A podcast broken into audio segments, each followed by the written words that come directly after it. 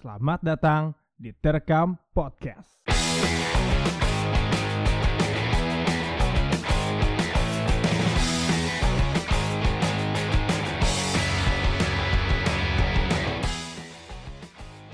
Welcome back to Terekam Podcast. Kali ini eh, lu ada di acara Terekam Talks, yaitu program dari Terekam yang berbicara dengan salah satu figur yang punya cerita menarik, unik, dan punya api lah.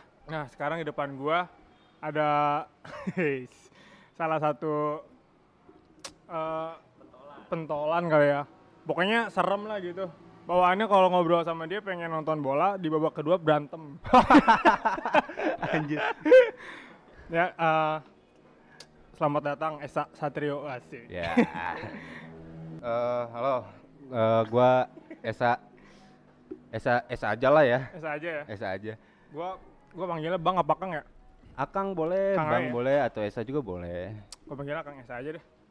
Nah, gua eh, pengen ngobrol sama Bang Esa tuh berbagai banyak lah. Udah sama dia pernah nyalek ya kemarin ya. Caleg gagal. Eh, gagal.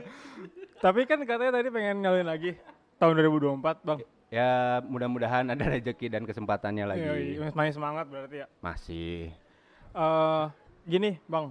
Gua ngelihat lu kan eh, oh tunggu tunggu gue pengen ngomong dulu selamat nih Liverpool juara. Yoi. Oh iya dong.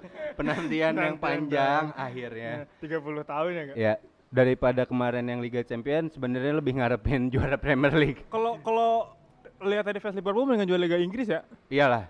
Itu yang di apa ya, yang di nanti-nanti lah Sampai mungkin semua. kepleset ya si Gerrard. Anjir, momen itu mulu yang pasti diingat ya. Nah, eh yang pengen gue bahas pertama adalah tentang ini bang, tentang skinhead nih. Oke. Bisa kan ya? Boleh. Aktif kan? Sebenarnya apa disebut aktif atau enggak masih skinhead ada non aktifnya gitu Iya kan. iya, itu kan udah pilihan hidup ya. Iya. jalan jalan hidup lah ya sehari-hari juga ya menjalanin aja gitu. Iya sih, tapi emang kalau gue lihat dari lu kayak waktu kita yang ketemu waktu itu tuh balik gawe aja lu emang emang fashionnya skinhead tuh. Setiap hari lu kayak gitu bang.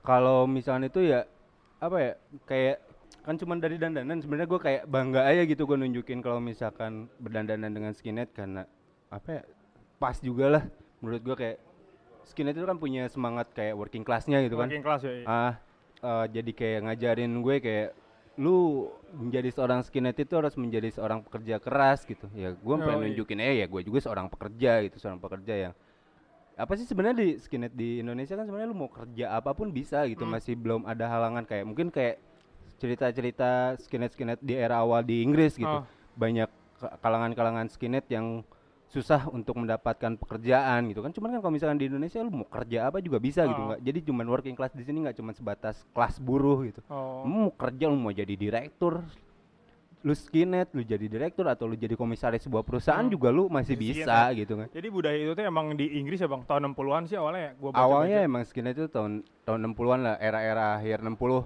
di tahun era 69-an emang skinhead berkembang. berkembang pesat lah di Inggris Terus kenapa yang bikin lu tertarik sama skinhead?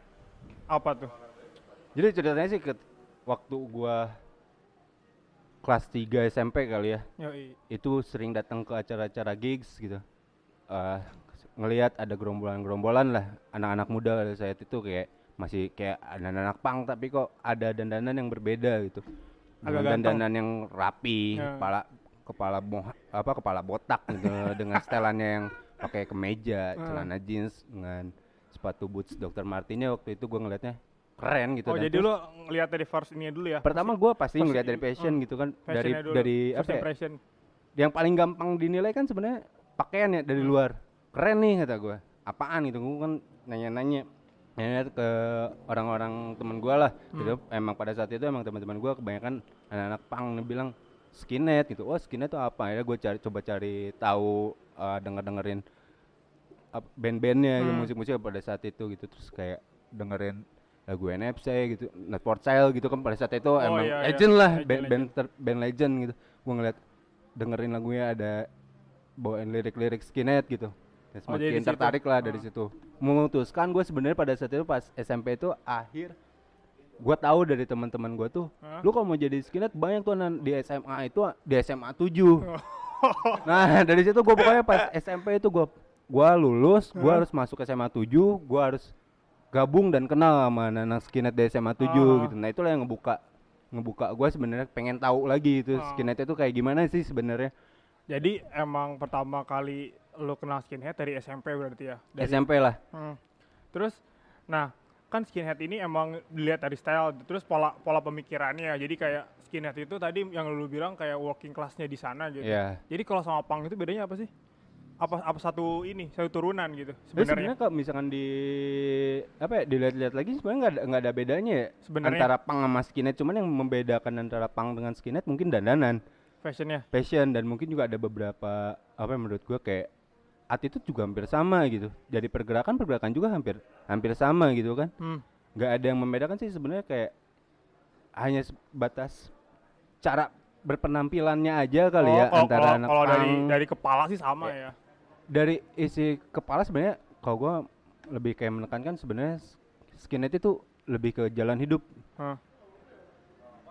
lu harus punya attitude gitu attitude yang gimana sih skinhead Ya, itu nih, attitude-nya gimana gitu ya kalau misalnya gua ya ya pertama ya udah pasti jelas kayak working class nih itu semangat semangat, Semangat, kelas ya. pekerja gitu lu berpenampilan berpenampilan rap- rapi smart clean gitu Hmm. cuman di- dari sisi lu smart dan clean dengan penampilan lu nggak bisa eh, juga harus apa ya kayak menunjukkan sisi keras gitu ini kan yang menarik gitu ya rebelnya nggak hilang tapi iya. dengan penampilan lu yang rapi gitu Kalau kalau masa-masa yang lebih muda lagi kayak strike age-nya kali ya. Kalau skin itu daripada punk. Iya nggak sih? Apa enggak?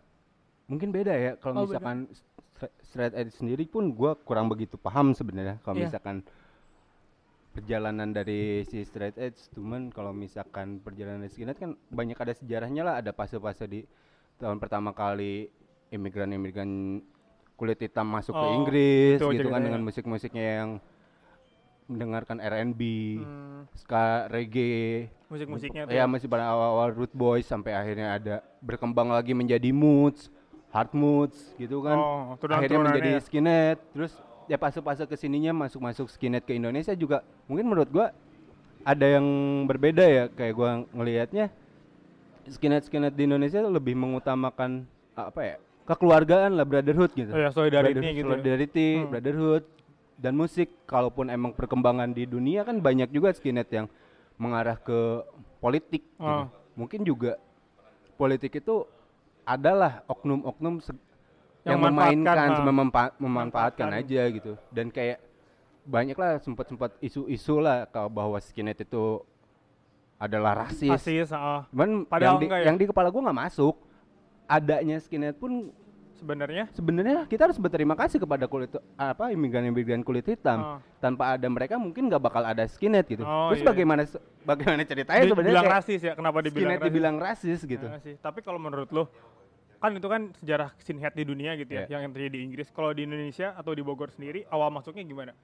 Pertama Nah, kali. Sebenarnya ini juga termasuk apa ya gue masih ke pemikiran Pak Hmm. si dalam pikiran gue sih gimana sih awal eranya masuk skinhead di Bogor lah Di Bogor lah terutama. terutama. ha. Emang gua mak- adalah sekarang ini bergerak juga sama teman-teman di Bogor Skinhead Crew gitu sering kita ngobrol-ngobrol gimana sih skinhead pertama kali ini masuk ke Oh. Bogor terus perkembangan skinhead skinhead di Bogor itu kayak gimana di Indonesia skinhead itu kayak gimana gitu Hmm. nah, gua kadang sering sharing juga sama teman-teman skinhead dari luar Bogor dari Jakarta atau Ya. Bandung dan segala macamnya gitu masuknya eranya sih gua sempat ngobrol sama Utai DN Siapa bang? Utai DN Hmm. ketika UTIDN itu pulang dari sekolah dari Singapura dia bawa buku Skinhead Bible itu menurut menurut menurut Utai ya Hmm. menurut Utai Skinhead Bible nama bukunya. ada bukunya Skinhead Bible karangan George Marshall gue juga baca itu dan itu adalah buku yang pertama kali gua baca Oh, di ketika gua masuk SMA 7 ya ya masuklah di situ mulai diperkenalkan sebenarnya lebih diperkenalkan apa ya Utai sendiri pun bilang gua ngenalin skinhead ini tadinya awalnya ke teman-teman gue yang pang Yang pang pang jadi sebenarnya kalau gua bisa ada meringkas gitu Ah. skinhead di Indonesia ini awalnya adalah anak pang Anak pang. jadi ya pergerakan antara pang dan skinhead di Indonesia sebenarnya nggak ada bedanya. Oh. Kalau di Bogor sendiri sama dari anak pang juga kalau di Bogor. Nah ini masih jadi ya, Pertanyaan ya. pertanyaan benang merah. Misteri Sampai saat ya, ini ya. pun gue masih ngulik dan sempat waktu itu adalah salah satu orang yang gua sangat hormati almarhum Buto Oh, tadinya sempat gua mau bikin salah satu dokumentasi lah dokumenter Bo- tentang perjalanan skinhead di Bogor Oh, tapi gitu. sayangnya beliau harus pergi Oh, lebih dulu meninggalkan kita gitu. narasumbernya narasumber nah walaupun saat ini masih tetap jalan sih gua masih kayak ngulik juga sebenarnya Ah. kayak sejarahnya kalau gitu lu sih. pertama kali masuk komunitas itu kapan atau gimana? itu sebenarnya gua masuk pertama eh, bener-bener kenal skinhead itu eranya ketika gua masuk SMA di di SMA 7 gitu Hmm. gua kenal sama Narji Liga Pres eh, Preskat Oh, banyak lah teman-teman ngobrol Felix heeh. ngobrol-ngobrol terhadap skinhead dikasih lah buku yang Yang tadi. Spirit of 69 Oh, beda. Skinhead Bible itu yang karangan dari Jok Masa gue baca gue kulik lagi terus pada zaman itu juga masih skinhead skinhead di Indonesia itu banyak bikin newsletter newsletter lah kayak Zain-zain gitu zain kali ya? zain Hmm. zain zain kecil gitu nah gue baca baca itu pa- pahami apa ya maksud maksud dari skinhead Oh. dari komisioner dari komunitas gue sebenarnya Pertama kali lu masuk pertama kali gitu? di SMA 7 mungkin komunitas gue ya di di Seven Boot Boys Oh. mungkin cuma pada saat dari situ gue coba nyari lagi nih scene scene skinhead di Bogor itu di mana ketemu lah sama teman-teman gue sebenarnya teman juga kayak Ah. teman-teman SMA itu SMA 8 ada tuh. ada Tito anak-anak Circle Warrior Skins Oh, oke. anak-anak eh, Bondes, Bondes ada, ya, ada Bondes. Andre Hmm. waktu itu ada juga Darmais terus anak-anak Telkom sendiri terus juga ada Sambu lah jadi kayak macem-macem lah kalau misalkan komunitas gue sebenarnya orang bukan orang yang terlalu nyaman di salah satu komunitas Oh, iya, gitu iya, gue iya. lebih seneng banyak temen Iya, di teman di mana-mana gitu Yang penting satu ini kan. ya karena apa ya ketika lu ketemu banyak orang gua gua nerimanya justru banyak dapat Pengetahuan baru eh, wawasan. ya wawasan baru nah itulah yang gua sebenarnya gua nggak mau gue gua dari komunitas Oh, ini ini nggak gitu. gua nggak pernah mau gitu Ini bang, yang pengen gue inin SMA 7 ini gue pengen cerita. Hmm. Kultur SMA 7 kan emang punk gitu ya, punk skinhead gitu kali ya. Gimana sih sebenarnya yang kultur Seven Oi itu awalnya? Sampai Jadi- ada Oi, sampai ada Seven Oi gitu. apa ya jadi saya kayak kayak SM anak-anak SMA biasa aja sih gitu Hmm. sebenarnya cuman mungkin di era di Bogor pada era saat itu lagi berapa sih emang kira-kira kenceng Awal-awal muncul awal-awal muncul oi-oi-oian gitu kan mungkin tahun 2000-an lah ya. 2000, Hmm. 2000 awal dari 98 lah. Hmm. Dari 98 2000 mungkin berkembang pesatnya itu di antara 2003 sampai 2007. Hmm. Di 7 sendiri gua dap- eh, dapat cerita itu dulu kan gua ngobrol-ngobrol sama ada lah dari sama Delta, Hmm. sama Jali, dari Narji sendiri gitu. Iya. Ya emang emang kakak kelas kakak kelas gua waktu gua masuk pertama kali di 7 itu ya kalau nggak anak pang anak skin ya cuman juga ada beberapa lah yang juga anak-anak hardcore dan Iya segala macamnya sebenarnya itu kan bebas ya Bebas sih, tapi gini bang, kalau menurut gua tujuh itu jadi jadi kayak apa ya?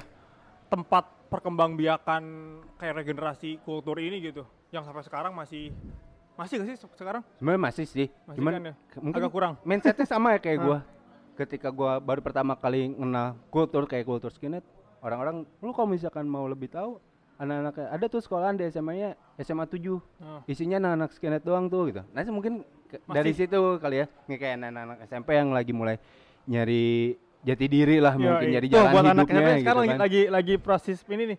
Proses pendaftaran nih coba. Kan.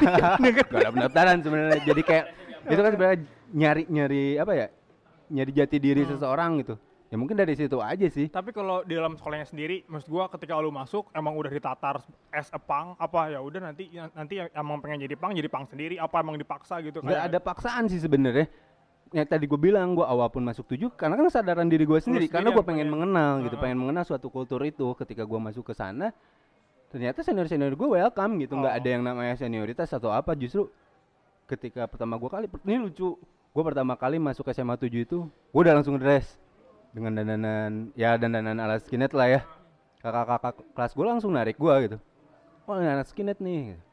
Lu tahu skinhead dari mana? Akhirnya dari situlah muncul apa ya dialog ngobrol-ngobrol sharing gitu. Apa sih gue sebagai anak anak yang masih baru mau mencari tahu pasti banyak nanya gitu. Tapi justru kayak mereka tuh welcome aja sharing aja gitu. Jadi nggak ada ngebedain gue udah lama lu lu tuh masih baru. Jadi nggak ada kayak gitu tuh. Nah di kultur itu mungkin yang sampai saat ini di SMA 7 masih ada gitu Tapi kalau di SMA 7 tuh selain punk and skin ada lagi misalnya yang kalau misalnya lo nggak harus punk and skin gitu? Nggak harus sih sebenarnya.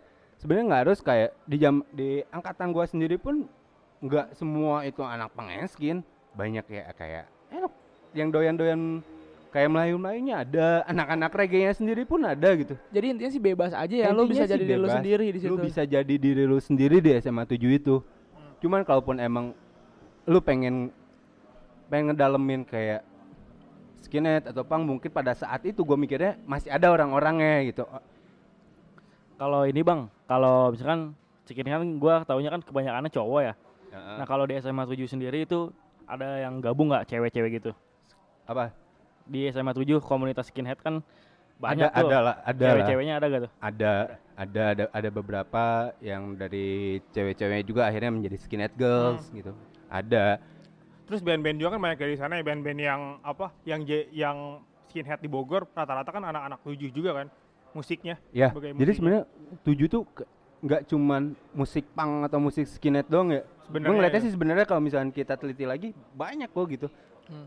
tapi mereka lebih ke kayak musik-musik yang underground lah ya musik-musik yang anti mainstream mungkin Ah. bisa dibilang mereka bergelutnya di sana Oh, tapi kan kalau dari kulturnya yang gua dengar gitu misalnya kayak waktu kalau pertama kali masuk kayak ada kayak ada gigs dari sendiri itu masih ada kan? Nah jadi kalau misalkan gig sendiri itu sebenarnya muncul ketika gua mau lulus dari sebelumnya emang udah ada tapi nggak di sekolah. Ah, dan nggak ngebawa pure murni emang gigs gigs apa ya anak Seven Boot Boys lah Anak yang bikin gitu, gitu lah ya. Ah, anak tongkrongan. Itu sempat ada gua masuk pun di tujuh kan punya hall jadi Hmm. setiap Sabtu di setiap Sabtu itu kadang bikin gigs yang mainnya tuh Oh, di ya sekolah? band-band tujuh di Dalam sekolah. Terus mul- ininya guru-gurunya di gimana? sekolah guru-guru ya ya itulah pintar-pintarnya kita sempat gue juga bikin pusing sih kalau kata gua. sempat bikin apa bikin gigs di tujuh itu Hah? ketika ya emang ya ngakal-ngakalin lah ada band-band tujuh yang nggak musik-musiknya kayak musik-musik hardcore, punk Oh. atau skin gitu. Nah, gua gua ajak main juga karena gua nggak mau ada perbedaan lah dalam Hmm. jenis musik karena kita sama-sama di tujuh gitu. Lu punya band apa, mau metal kayak atau apa Oh. lu main deh gitu. Lu tunjukin karena gua lebih ke kayak lu punya kreasi, lu punya karya, gue pengennya nunjukin. Sempat gua bikin itu sama guru acaranya sama. di cut, Oh, di cut malah. di cut. Terus Ketika lagi main, listrik dimatiin Terus ya akhirnya tetap ya lobby lobbyan lah tetap Oh, lobby tapi tetap lobbyan menghormati guru lah ya. menghormati kagak ah, anjing lu, Pak. ah enggak enggak tetap menghormati akhirnya acara jalan lagi dari situ gue berpikir tuh gue waktu itu ngobrol waktu di kelas kelas 3 lah gue mau Ah. lulus Oh, mau lulus itu tahun berapa sih mau kira-kira? lulus 2010 gue ngobrol sama temen sama teman-teman angkatan gue gimana nih biar apa ya kita masih tetap punya acara rutinan akhirnya Dibikin tuh. bikinlah namanya Strong Together for United Oh, itu yang namanya STFU yang pertama Di itu mana? di tahun 2010 waktu itu di Kemuning Gading. Oh, di Gunung Gading Di bikinnya. Kemuning Gading. Berarti biayanya gede tuh? Lumayan dan itu Patungan. pun biaya kolektivitas. Eh, alumni ikut itu berarti ya. Alumni enggak. Jadi Anak karena sekolah. gua aja anak sekolah di angkatan gua tahun 2010 itu nyari benar-benar nyari duit lah dana gitu dari Hmm. pribadi selama selama tiga bulan lah selama tiga bulan gua nyari dana akhirnya bikinlah terrealisasi Strong Together for United yang pertama Oh, gitu. itu akhirnya ada dana masuk lah dari gigs dari acara itu Hmm. gua nggak pengen nih acaranya cuma di angkatan gua doang gitu gua pengen juga eh terus ada nih acara ini Iya. karena acara tahunan yang bisa jadi juga, juga kita jadi acara apa ya Acara ini kali kayak khas lu.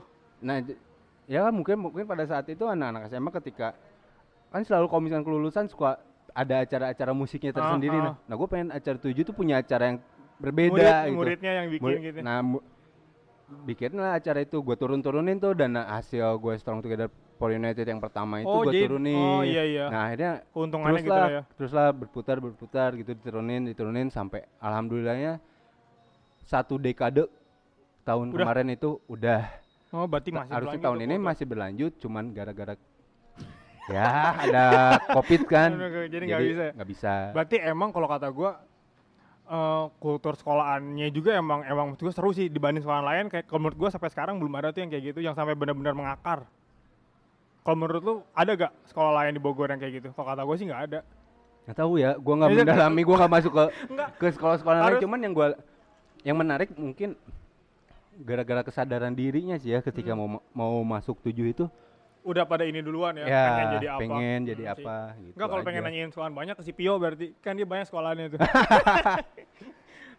eh sama lagi berapa tahun dia? Nah sekarang gue pengen nanya ini bang kan kalau kaum skinhead kan ya yang tadi gue bilang ada adalah kelas kelas pekerja gitu. Hmm. Nah, gue pengen ngomongin statement fashionnya, Ha. arti-artinya, misalnya kayak kepala botak, Ha. Fred Perry atau sepatu boot yang sekarang lu pakai gitu. Hmm. Itu ada statementnya nggak sih? Ada artinya nggak sih? Meaningnya? Meaning sih sebenarnya kalau misalkan ini kita ngelihat dari sejarah aja ya. Hmm. Kenapa sih anak-anak skinhead skinhead itu rambutnya botak Ah. gitu. Kenapa anak skinhead itu identik dengan sepatu boots Ah. Dr. Martin 10 lubangnya gitu. Iya. Dengan celana celana Agak jeans jeans. tapi digulung gitu. Hmm. Itu sebenarnya kayak penampilan dari sejarah dari sana mereka botak itu rata-rata emang pekerja pekerja buruh lah, Di sana emang harus botak kan? bukan Enggak sih. karena untuk Ribet kali ya? Ya karena mereka ada buruh kasar Oh. banyak kan untuk meringkas aja nih biar mereka Hmm. itu dalam Simple pekerjaan mungkin ya. simple Hmm. dan juga setahu gua gua pernah baca sempat ada wabah kutu di pelabuhan di Oh, Liverpool itu, pada saat itu mereka akhirnya ma- pada membotakan Oh. Ngeram- rambutnya dipotong pendek lah ya Oh. hampir botak gitu Supaya nggak ada kutu yang nah nempel. itu juga ada filosofi sendiri juga ketika karena kehidupan skinhead itu keras kehidupan Hmm. skinhead kan rata-rata ada di jalan lebih memudahkan ketika mungkin saat pertarungan pertarungan jalanan gitu it- waktu saat itu mungkin tidak bisa dikelak kayak Oh. dihindarkan di Inggrisnya sendiri gitu Fighting gitu, jalan gitu, fighting street. kan, ya kalau misalkan lu rambut botak lebih menguntungkan lu nggak bisa dijambak Oh iya, bener sih. ya Ya. Gue jarang berantem sih bang. Nggak kayak lu kali. gue juga jarang nggak pernah justru karena Wih. yang tadi gue bilang skinhead di Indonesia ini Lebih santai kali ya. lebih ke keluargaan Ah. brotherhoodnya lebih Hmm. kuat gitu ya Nah. Terus kalau ya- kayak yang Fred Perry gitu apa? Sepatu, kalau sepatu boot mungkin karena lebih ini kali ya di jalanan atau gimana tuh artinya? Tahu apa ya kalau menurut gue ya juga mungkin pada saat itu mereka ya pekerja-pekerja di sana juga lagi menggunakan sepatunya itu gitu Hmm. Karena emang di pabrik kali kalau misalkan pakai sepatu sepatu kayak sepatu yang biasa kurang ini kali ya kurang cocok. Nah gue sekarang pengen ngomongin musik nih bang. Kan musik kalau di subkultur tuh kayak media ceramah ya, kayak Iya. nyampein apa pun di, di, di apa di musik gitu. ya Kalau di kalau di Bogor sendiri, kalau nggak lu gitu pernah lu bikin band, band-bandan band-bandan ada pernah.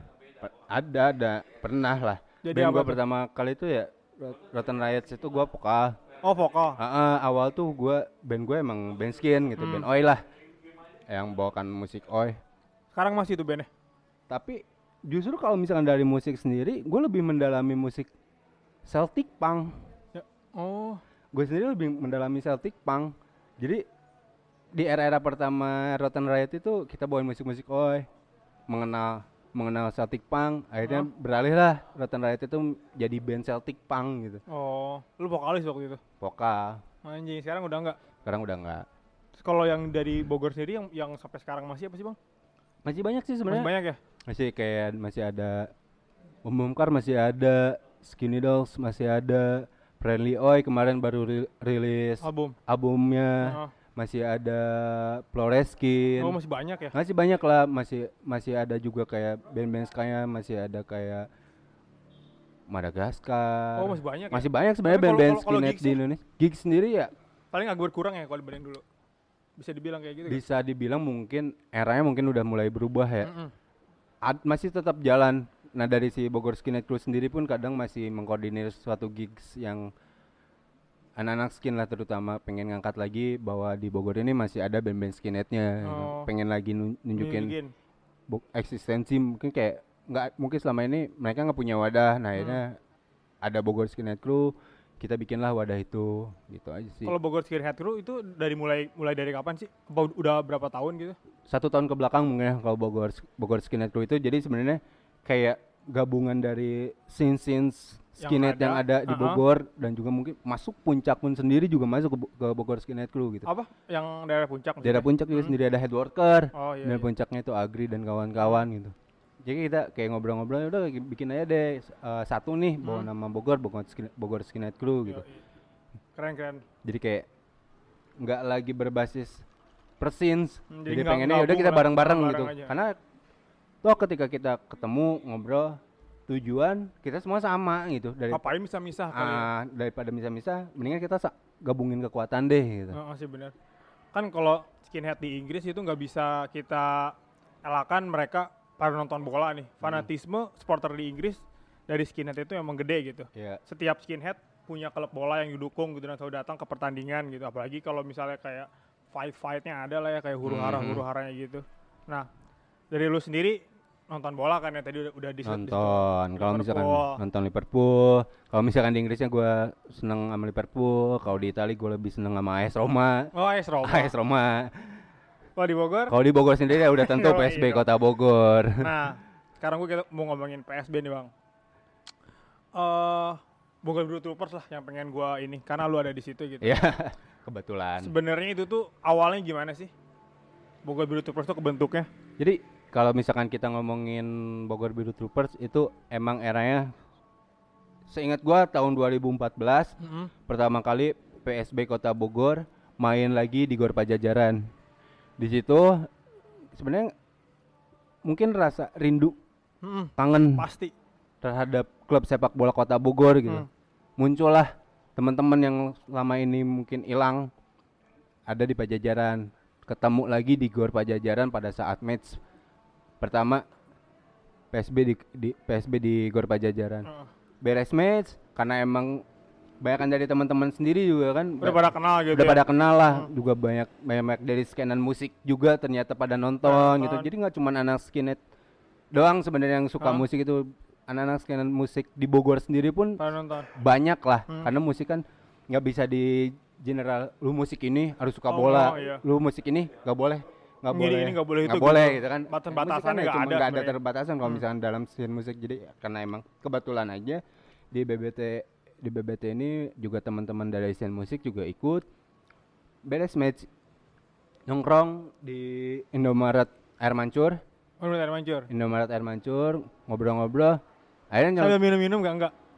minum-minum lah kalau nggak minum aus Aus ntar apalagi kan abis abis abis nonton nonton, bola, bola, lu habis teriak-teriak. chance Yoi. teriak-teriak pasti minum lah nggak mungkin kalau nggak kalau nggak minuman terus suara lu serak gitu Nanti buat match selanjutnya enggak ada.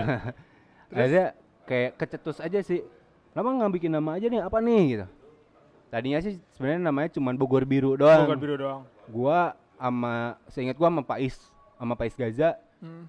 tambahin trooper seru nih Jal tuh. Uh seru tuh Mas Esa. Hmm. Ya udah gua akhirnya celutuk gimana kalau misalkan gabungin aja deh Bogor Biru Troopers. Nah, akhirnya oh ya udah Bogor Biru Troopers saya gitu. Akhirnya kebentuk. Akhirnya kebentuk. Justru gitu. kebentuknya setelah beres pertandingan. beres pertandingan. Tadinya pas pertama pertandingan tuh nggak nggak ada nama. Berarti gini ber- ber- berasal dari spontanitas aja gitu. Ah, gue nonton ah ternyata di situ para kenal-kenal ya udahlah bikin aja gitu kali Iya, awalnya. ya bisa dibilang kayak gitu sih ya, kayak lebih ke kayak kesadaran akhirnya. Heeh, tapi emang BBT sini unik gitu ya. Dari berbagai komunitas, dari berbagai apa gabung di situ gitu. Hmm. Kalau boleh tahu sebenarnya selain skinhead itu ada apa lagi sih sebenarnya? Dalam situ, dalam BBT sendiri awalnya. Sebenarnya banyak sih, nggak nggak cuman dari anak yang tadi gue bilang dari Hmm. komunitas yang emang tadinya komunitas supporter bola pun juga ada gitu kan. Dari dari skena-skena punk juga ada, Heeh. skena-skena musik hardcore juga ada gitu kan. Ya jadi kayak nggak ada batasan sih sebenarnya di Bogor Beauty Troopers itu karena apa ya? Gua ngelihatnya yang gua rasain, Hmm. lu ngedukung PSB Bogor itu, lu dateng karena kecintaan lu terhadap tim sepak bola Kota Bogor. Heeh, sih benar. Jadi sebenarnya siapa aja orangnya, apa aja background di belakangnya, Heeh. ketika lu cinta terhadap PSB Kota Bogor, kita welcome. Iya. Terserah deh gitu, lu mau suka musik pop, Melayu, Dangdut, dangdut, gua nggak nggak nggak mampu merasain background lu gitu. Iya. Lu mau seorang punk, lu mau seorang skinhead, lu mau seorang yang menggeluti dunia hardcore atau Oh. segala macem, gua kita di BBT itu nggak nggak ada batasan situ, entah, entah juga dari misalkan kayak dari kultur kultur sepak bolanya sendiri kayak misalkan lo kaswa kah, Oh. Kah, mania kah atau itu kita nggak ada batasan di situ sebenarnya untuk BBT ya ketika lu cinta terhadap PSB Kota Bogor di situ pindah kita ada keluarga Iya.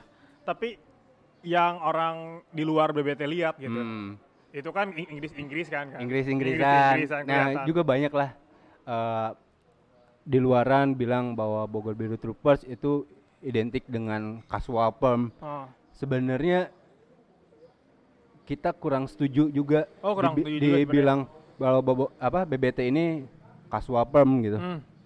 Karena yang tadi gua bilang kita lebih senang sebenarnya kita lebih senang dibilang troopers. Artinya apa sih berarti sebenarnya? Troopers kan Pasukannya gitu. Pasukan. Pasukan aja gitu. ya. Pasukan buat PSB Bogor Hmm, aja gitu cuman kan. karena- Orang-orang apa ya? Orang-orang militan terhadap PSB Bogor aja Iya gitu. sih. Cuman karena banyak mungkin juga. dari penampilan. Ah, dari penampilan. Orang-orang menilai dari penampilan eh, kayak orang-orang yang datang untuk nonton PSB di Gor Pajajaran itu dandanannya kasual, Casual. rapi-rapi gitu kan. bersih-bersih sih lumayan. Cuman lu pikir deh, lu datang Gor Gor Pajajaran apalagi di Tribun Timur, Nah, itu kayak apaan tahu? Stadion yang udah nggak keurus, Heeh. banyak kemungkinan beling dan segala macem. Heeh. Lu pakai sendal Kotor, jepit, heeh. bayangin kalau misalkan lu lagi euforia, lu ternyata Oh iya benar-benar. kacugak. Ah. Nah gue sih lebih kayak Pakai di sepatu. situ aja sih, jadi cuma emang kalau misalkan kasual kan sebenarnya dandanan. Hmm. Lu mendingan dana, dandanan rapi juga nggak ada masalah gitu. Cuman jadi nggak ada keharusan sebenarnya. Nanti kalau gabung nonton pengen nonton bareng di Tribun Timur gitu. Kadang kan identik BBT itu di Tribun Timur. Iya yang yang seberang. ya. lu harus datang dengan dandanan kasual atau dengan dandanan brand-brand kasual lah. Ah. Enggak Bu- juga ya. nggak juga. Lu mau pakai baju apa pun itu Baju berak yang enggak apa baju berak. bebas. Lu mau pakai baju apa pun itu bebas. Tuh, cuman ya gua kak hanya saran aja mendingan pakai sepatu. tuh. Karena gue sendiri, iya. karena gue sendiri ya pakai sepatu, sepatu gue gue aja sendiri jadi korban. Sobek, Ah, Sobek. sobek, kena, Kenapa? kawat. Oh, di- oh, oh, lu di- berdiri-berdiri ya teriak-teriak. itu makanya gue ngebayangin ini kalau misalkan nggak pakai sepatu mungkin jadi luka. Iya sih benar-benar. Apalagi banyak ilalang kan di sana. ini saran aja itu mah. Nah sih benar. BBT sendiri berarti udah hampir enam tahun. Ya bisa dibilang Kemarin dengan tema keep, keep going itu keep ya. going. Kemarin eh, di bulan apa sih? Berarti tanggal berapa sih? Mei ya, Mei. 6 Bukan? Mei. 6 Mei ya. 6 Mei, Berarti udah enam tahun 6 tahun. untuk regenerasi gimana, Bang? Karena kan lu juga dengar-dengar kan mau merit nih katanya. Anjir. Dia bukan di sini. Maksudnya ke buat buat ke depannya kan perlu perlu orang-orang baru lah dari Sebenarnya kayak PBT sebe- sendiri ada gitu. Ada pasti Ada. karena sebenarnya dari karena dari kultur Bogor Biru Trooper sendiri kan kita ngandelinnya kolektivitas ya bukan organisasi atau komunitas yang memiliki ketua, wakil ketua, sekretaris. Hmm. One for all, all for one. Oh, yes. Itu Bogor Biru Troopers. Eh, Artinya apa tuh, Bang? Gua bahasa Inggris kurang. Ya satu untuk semua, semuanya hanya satu. Oh, gitu. oke, siap. Ya itu ya BBT gitu. Jadi Hmm. nggak ada ketua. Ya semua semua menjadi ketua. Akhirnya ya regenerasi itu muncul dengan sendirinya gitu. Karena di BBT juga sering lah kita bikin kopdar gitu setiap malam Sabtu di Boper, di. Gedung Wanita, Hmm. di GW kita sebutnya GW 23. Itu jadi kayak acara rutinan setiap kayak minggu tuh kayak sharing lah, sharing sessionnya sharing sessionnya anak-anak BBT gitu. Gimana nih per- apalagi yang mau kita bikin, apalagi eh, pergerakan yang mau kita lakuin gitu. Terus kalau misalkan lagi ada match, kita mau bikin apa nih? Gitu. Tapi di sepanjang perjalanan enam tahun ini, lu ngerasa ada ada perkembangan nggak jadi BBT ini udah lebih besar dari sebelumnya? Gua nggak bisa bilang BBT ini sudah menjadi besar. Gua hanya bisa bilang Bogor Biru Troopers saat ini masih terus apa ya belajar lah. Hmm, Kita masih enam tahun itu menurut gua adalah masih muda ya? masih Kecil. usia yang muda, usia yang kecil, kita masih tetap harus belajar. Hmm. Kita juga masih sharing sama komunitas-komunitas supporter yang udah lebih lama Iya. gitu kan. Tentunya dengan di Bogor ada teman-teman dari supporternya Persib atau dengan supporter Persija Hmm. kita nggak nggak pernah ngebedain itu karena menurut kita mereka adalah orang-orang yang telah lebih lama dulu Hmm. kecimpung di dunia supporter. Kita terus belajar sih sama siapa aja, mana anak dari Sleman. Tapi kalau anak-anak misalkan dari Jogja. dari dari perkembangannya sendiri, gua sih ngelihat emang agak berkembang gitu dari pengetahuan orang dari luar kota terhadap BBT sendiri kayak oh di Bogor ada kelompok kayak gini nih. Terus di Bogor ada kelompok yang fanatik ini kan BBT sering juga istilahnya care terhadap apa yang Hmm. tadi sama PSB. ya betul. Boleh diceritain nggak misalnya kayak pernah melakukan momen apa yang ngebantu tim gitu?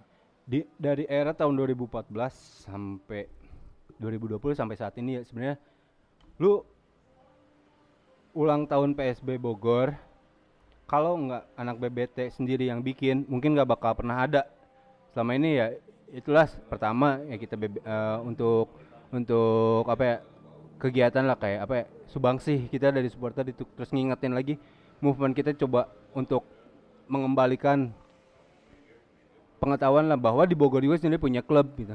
Punya klub sendiri kayak setiap match sudah pasti kita datang sempet. Kadang juga kita kayak pemain-pemain PSB kalau ada apa-apa curhatnya itu kan anak BBT kayak misalkan gaji belum turun ya kita bantu untuk audiensi sama manajemen atau misalkan ada kendala-kendala dari manajemen.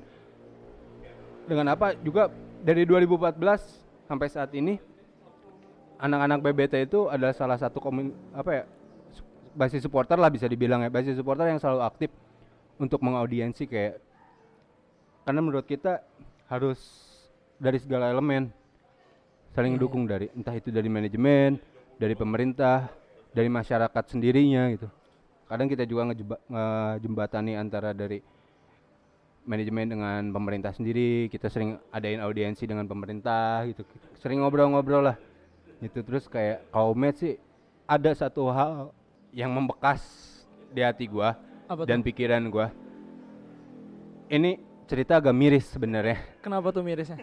agak miris jadi emang pada saat itu lagi suratin PSB Bogor ini di delapan besar Itu tahun berapa tuh bang?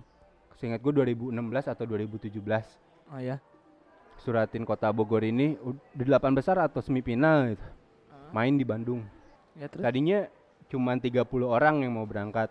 Cuman entah kenapa feeling kita berangkat ke sana harus pakai bis yang besar. Akhirnya Iya. kita memutusin kayak udahlah cari bis kapasitas gede 60 Iya. walaupun kita cuma 30 orang itu pada saat itu kita berangkat. Akhirnya jadilah kita berangkat ke sana setelah pertandingan hal yang tragis akhirnya terjadi. Apa tuh? Tim suratin PSB Kota Bogor saat itu nggak bisa pulang ke Bogor. Ditinggal sama bisnya karena ada miskomunikasi antara manajemen dengan supir bis.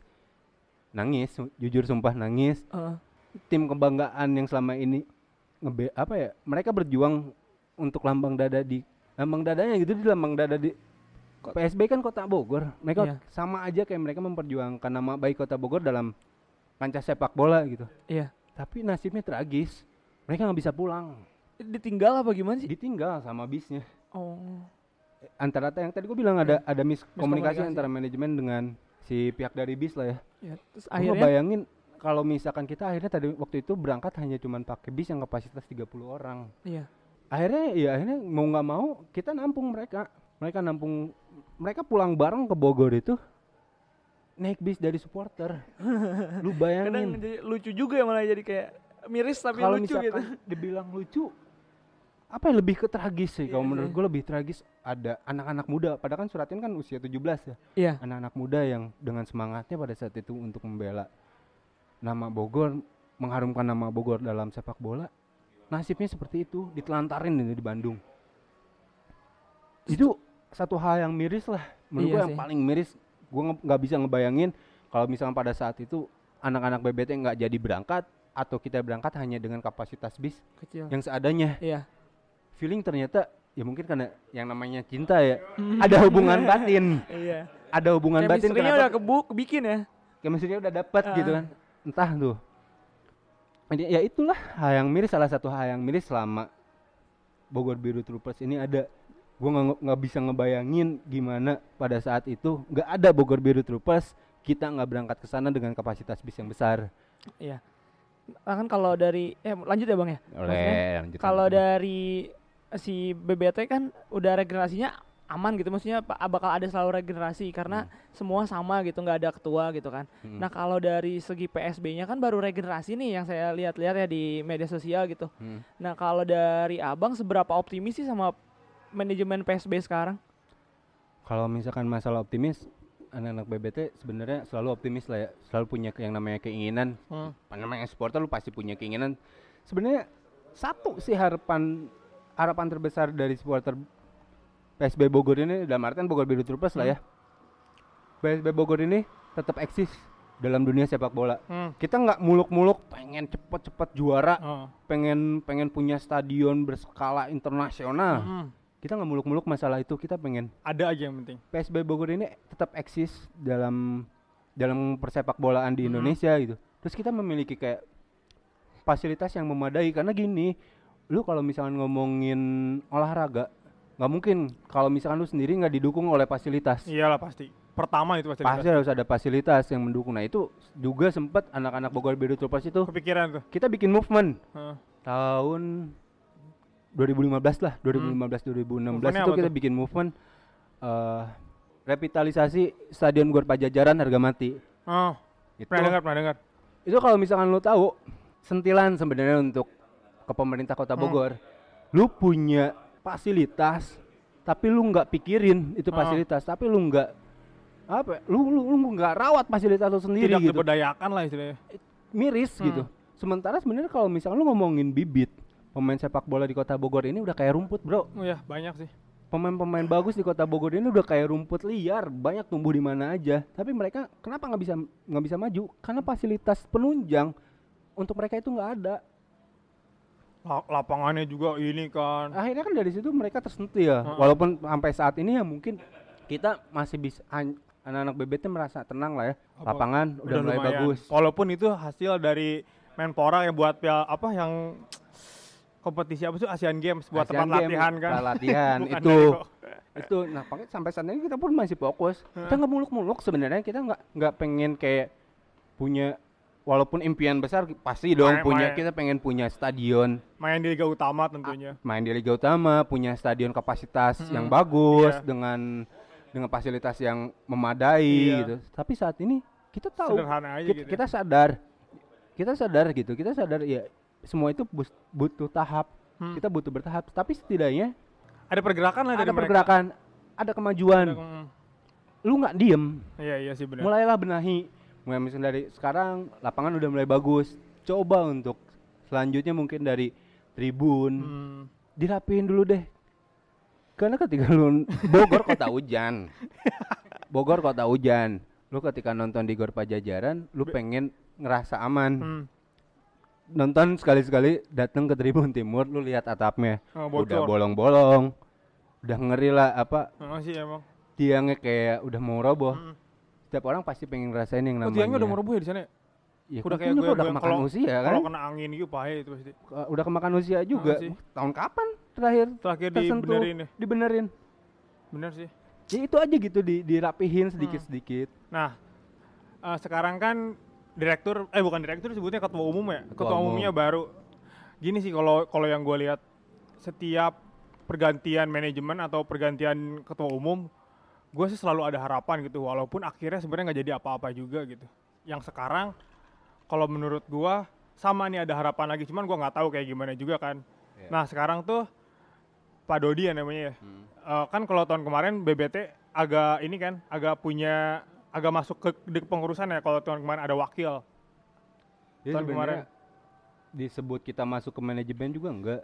Karena apa ya kita memposisikan kita ini supporter. Gua cuman ya kita ngawasin aja apa ya, penyeimbang lah Heeh. ketika ada keputusan-keputusan manajemen yang menurut kita salah. Kita, mm, kita sebagai supporter ya harus ngasih tahu itu gitu. Wajiblah kritik yang namanya yang namanya supporter mengkritik ke klubnya juga mungkin menurut gua hal-hal yang wajar biasa ya iya. yang nggak wajar ya ketika lu salah lu dikritik lu masih merasa bener Mhm.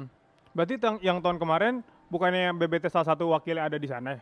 Diajak untuk ngurus apa enggak yang tahun kemarin? Kalau misalkan masuk ke pengurusan enggak, cuman kita ma- kita selalu memposisikan diri kita enggak di dalam tapi enggak juga terlalu di luar. oh iya iya. Kita hanya menjadi penyeimbang aja. Satelitnya kali ya. Ya, ketika emang ada ada keputusan dari manajemen itu baik, Hmm. kita 100% dukung. Hmm. Tapi ketika ada kebijakan-kebijakan dari manajemen yang salah, kayak misalkan kayak pemain lu nggak lu bayar, Ya, gaji gitu. Kita Sering tuh kayak gitu, supporter. Sempat pernah. Mhm. Terus misalkan kayak kita karena sering lah beberapa kali setiap tahunnya permasalahannya itu kan lu nggak punya apa ya grand design lah lu lu mau bawa Iya, PSB Bogor ini ke mana? gitu. Nah nggak- itu kita terlalu jelas. gitu setiap yang gua lihat cuman persiapan selalu mendadak. Nah ini yang terus sebenarnya sama Masalah klasik ya. masalah klasik Hmm. masalah anak BBT ini selalu ditekankan gitu. Ayo kita bareng-bareng gitu. Lu apa sih sebenarnya dari manajemen yang dibutuhin dari supporter untuk bantu? Selama kita bisa bantu kita pasti bakal Hmm. bantu maksimal. Gitu. Iya Terus emang eh, ketika tahun kemarin sempat emang dari supporter diajak bareng masalah dari persiapan dan segala macamnya. Nah, Gitu. kalau yang yang gua khawatirin ya karena kita udah lama vakum gak kayak dulu lah era tahun 2000-an awal gitu ketika gua masih SD sering lah gitu PSB main dan juga lumayan tuh pernah main di liga utama gitu ya bang nah sekarang ini kalau lu ngerasa gak kayak ada gap dari generasi kayak anak-anak yang muda-muda sekarang nih belum terlalu atau tidak terlalu mengenal PSB sebenarnya Mungkin permasalahannya PSB Bogor ini udah terlalu lama tidur. Mm-mm. terlalu lama lah tidur akhirnya ya ada apa ya ada masa kosong lah masa era era, era kekosongan sepak bola di kota Bogor Iya wajar ketika orang Bogornya sendiri tidak mengenal ada PSB Bogor Hmm. karena ada zaman vakum. Hmm, lumayan lumayan lah ya. Ah, cuman gue melihat gue optimis ke depan ini PSB Bogor bakal bakal menemui eranya sendiri, akan menemui era kejayaannya Amin. lagi gitu. Karena apa? Karena gue ngelihat juga dari si dari BBT gitu, udah mulai apa ya kayak melebar lah ke mana-mana sampai ada di Kabupaten Bogor sendiri. Hmm, chapter-chapternya ya. chapternya udah ada gitu. Nah, gue ngeliat di sini ada rasa optimis lah. Suatu saat nanti PSB Bogor ini akan kembali dicintai oleh masyarakat Kota amin, Bogornya. amin. Itu tentu jadi harapan Semua kita ya, harapan kita semua. Semua para pelaku ada optimis bola. lah, Hmm. apalagi dengan ketua umum yang sekarang gue lihat backgroundnya juga bagus, Mm-mm. dia juga emang Orang orang orang apa ya, orang yang juga berkecimpung di dalam dunia sepak bola Hmm. juga. Nya bagus duit yang pasti ya. itu sebenarnya itu dulu. Aduh, nah sekarang. BBT sendiri ini dari BBT sendiri ke depannya BBT ini udah mau kayak gimana gitu? Tetap kayak gini atau lebih? Misalkan kayak kan sekarang chapter-chapter udah ada nih. Ah. Chapter-chapter dari berbagai daerah udah ada gitu dan udah punya kepengurusan masing-masing lah gitu taruh lah ya walaupun tidak resmi gitu. Lu ke depannya ada kepikiran bisa lebih dari ini apa enggak sebagai sebuah kelompok yang punya pengaruh di PSB? Justru it- itu kan sebenarnya kayak tujuan pertama anak-anak BBT Bog- BBT kan sebenarnya mem-PSB-kan Kota Bogor. Mm. Itu masih misi- jadi misi utama kita gimana caranya kita Memperkenalkan menyampaikan, ya? memperkenalkan PSB Bogor, mengajak mengajak masyarakat untuk lagi mencintai PSB Kota Bogor. Ini tapi harus berbarengan. Yang tadi gua bilang harapan kita kan nggak muluk-muluk. Hmm. Yang penting PSB Bogor ini eksis. Iya sih. Ketika PSB Bogor ada, dengan sendirinya itu supporter pasti bakal datang. Mm. Karena mereka tahu kalau misalkan tahun ini ada, tahun besok nggak ada. Orang juga jadi bingung, Hmm. PSB Bogor tuh masih ada atau enggak sih? Tujuannya apa sih ini Ah, ah, gitu? Kalau misalkan lu konsisten terus tetap ada, ya gua rasa itulah yang jadi misi ya, yang Hmm. jadi misi misi kita ke depan itu yang pertama ya masih tetap bagaimana caranya kita memperkenalkan PSB Bogor untuk kembali mem-PSB kan kota Bogor Hmm. lagi gitu.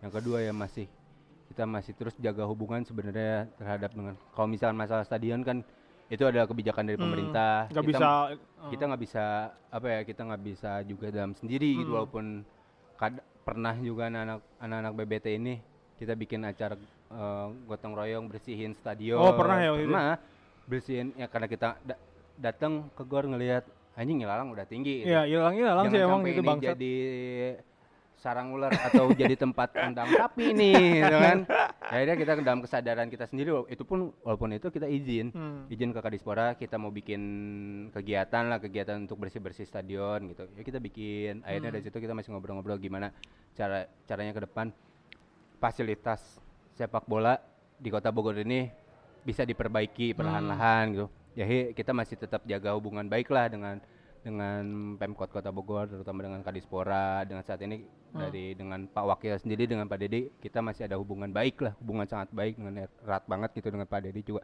Kita berterima kasih lah dia. Saat ini kan menjadi Dewan Pembina maksudnya, Dewan Iya, Dewan Pembina dari PSB Bogor lah. Mudah-mudahan sih gua harapan gua dengan adanya juga ketua umum yang baru membawa membawa apa ya membawa Angin segar lah. angin segar membawa harapan baru dengan juga adanya Dewan Pembina PSB yang baru Pak Dedi yang notabene adalah wakil wali kota kota Bogor gitu Le- bisa lebih memperhatikan masalah fasilitasnya Iya.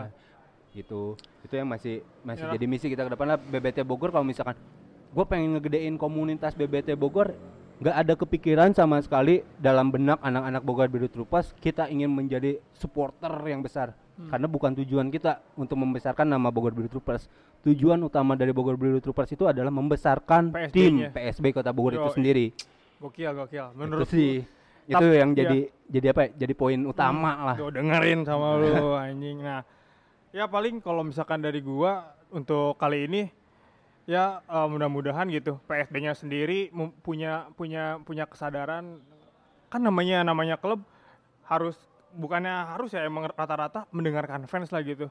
Nah, mudah-mudahan PSB sendiri mendengarkan apa yang selalu diiniin dan di- dan dikerjakan oleh para fansnya gitu. Amin amin. Mudah-mudahan manajemen juga mendengarkan podcast ini. Akhirnya mereka merealisasikan lah. Ya, kan? Mereka mulai bergerak karena kita ini supporter kadang kalau misalkan kritik bukannya pengen sok tahu atau pengennya sok pengen sok Mm. bener, tapi karena kita cinta, Cinta, sebenarnya. Kita iya, pengen iya. bareng-bareng gitu. Sebenarnya lu butuh apa? Ngomong ke supporter, apa yang bisa dilakukan oleh supporter? Kita pasti bakal jalan bareng kok gitu. Karena mudah-mudahan tujuan utama yang tadi gue bilang kan, Iya. BBT itu tujuannya ya untuk membesarkan PSB Kota Bogor sendiri. gitu. bahkan BBT-nya sendiri tidak tidak memikirkan untuk membesarkan dirinya sendiri gitu lebih membesarkan klubnya nah eh, paling segitu aja ya bang udah udah, Udah. lumayan panjang nih Oke. masih pengen lagi nih, kayaknya masih banyak mungkin dari lu sendiri ada yang belum disampaikan tadi takutnya ada yang lupa yang pengen lu sampaikan di sini ya kalau gue sih ya terakhir lah Mungkin- statement apa yang gua sampaikan di podcast ini itu hanya asumsi atau pendapat diri gua pribadi bukan juga mungkin mengeneralisir bahwa yang pertama tadi kayak ngomongin skinhead gue bukan orang yang paling tahu terhadap skinhead Nah, itu sendiri iya. gue pun saat ini masih berproses untuk PSB Bogor sendiri pun gue bukan orang yang paling tahu dan paling mengerti dan paling bisa untuk bagaimana caranya membangkitkan tim sepak bola kota Bogor Yoi. di dalam BBT sendiri pun gue bukan yang bukan orang yang paling utama dalam BBT Bogor Hmm. karena kita nggak ada ketua atau apa ya ini gue hanya menyampaikan ada kesempatan Hmm. bahwa harapan gue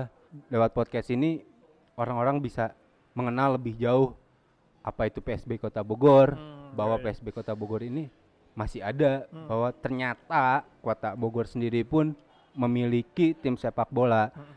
yang bisa dibanggakan karena PSB Bogor ini pernah mengalami jaya ke era, jaya kejayaan. era kejayaannya sendiri. Kita termasuk juga pemilik eh, piala suratin terbanyak dengan oh tiga iya.